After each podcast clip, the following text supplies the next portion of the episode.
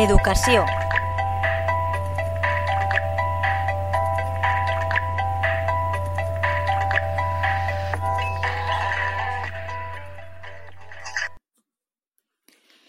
Hola amigos de la Tegua Radio, bienvenidos una semana más a este espacio de educación.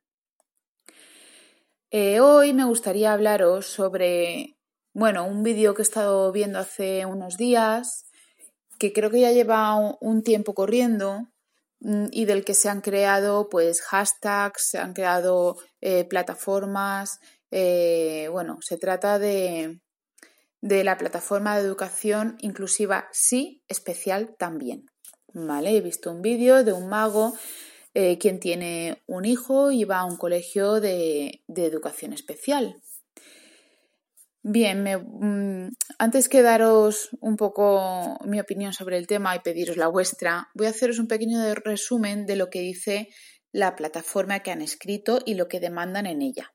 ¿Vale? Así sobre líneas en primer lugar, eh, nos dicen que las personas con, discapacidad, sus familias y los docentes, pues que están preocupados porque algunos partidos políticos y organizaciones pues quieren eh, eliminar la educación especial que hoy en día atienden a muchos niños en España. Eh, también nos cuentan en este manifiesto que hay comunidades autónomas que están discutiendo y que están haciendo proposiciones de ley eh, pues para ver si es conveniente quitar esta educación especial con el argumento de que es segregadora y discriminatoria. Es decir, que lo que están reclamando es que solo haya una modalidad de escolarización donde todo el alumnado es escolarizado en un único centro ordinario, es decir, se eliminarían los centros de educación especial.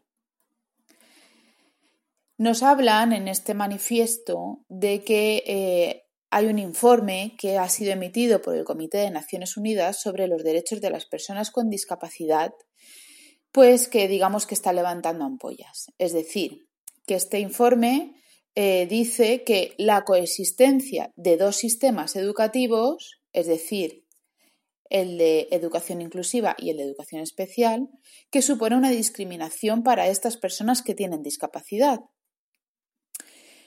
Bueno, pues es que eh, resulta que en el año 2017 vinieron unos miembros de este comité aquí a España, estuvieron hablando con varias personas, pero en ningún momento eh, se sabe que hayan estado en ningún centro de educación especial. Por lo tanto, se está reclamando por eh, parte de las personas que han creado este manifiesto y estas plataformas que no tienen una visión objetiva del problema, sino que han visto solamente una parte.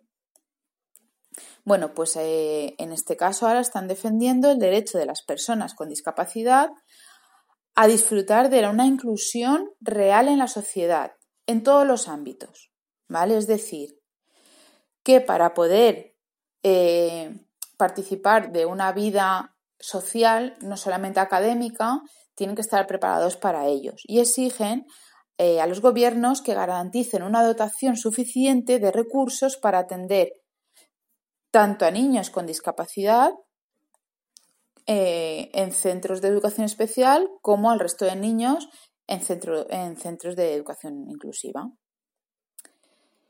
Eh, dicen que el dictamen de escolarización de cada niño y cada niña que se realice una vez oigan a las familias, mm, de forma que la opinión sea eh, sobre sus, de sus hijos, sea de las familias. Es decir, cada familia sabe qué hijo tiene, junto con los médicos, claro, eh, para garantizar los recursos necesarios para esos niños. Hay niños que se adapten bien a un centro ordinario, hay niños que no.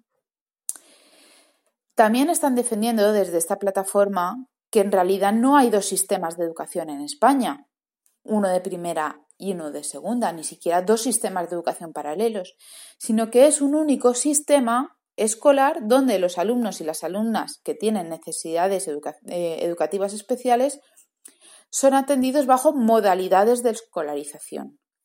Repito, un mismo es un sistema educativo con modalidades de escolarización. Hay una educación ordinaria, hay una educación especial, hay aulas específicas, etc.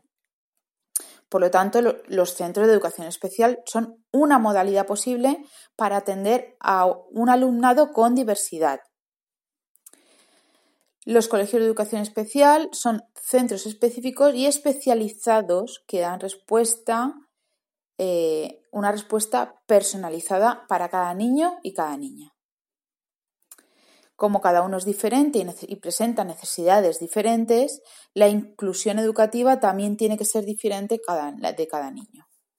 Bueno, pues nos cuentan además que, eh, mm, que, los, que las personas con discapacidad tienen derecho a no ser discriminado. Que no, que no ser discriminado no, no es tratar a todos igual, sino tratar a cada uno como lo necesita que yo ahí veo un matiz bastante importante. Bueno, y también por último nos dicen que para lograr la inclusión social, laboral y familiar y de ocio, que es lo que comentaba antes, desde la educación especial se trabaja y se persigue mm, las capacidades de, de los alumnos no solo como competencias curriculares, sino pues trabajar sobre la edad de cada niño y sobre sus necesidades más básicas. Eh, desde la plataforma exigen que no se excluya ninguna de las modalidades educativas y que piden que se rechacen las proposiciones de ley que, intentan eliminar la educación especial bajo la premisa de que eh, en un colegio ordinario es siempre mejor para todos los niños y todas las niñas. Bueno, si queréis más información, en la eh, web www.inclusivasiespecialtambién.org está este manifiesto. Eh, se puede seguir también por Facebook, Twitter, Instagram. Se puede firmar, de hecho, este manifiesto. Y donde yo voy ahora es un poco a, he lanzado esto a través de la Tegua Radio y ahora me gustaría recibir vuestras opiniones, tanto si sois profesores, si sois familiares de personas con discapacidad, si conocéis algún caso, siempre está bien porque mm, nos pueden llegar mm, información de un lado, nos pueden llegar información de otro lado, pero en este caso pues dejamos digamos la, la línea abierta para que vosotros nos digáis cuál es vuestro punto de vista, por qué uno sí y el otro también. Saludos a todos vosotros y nos vemos la semana que viene.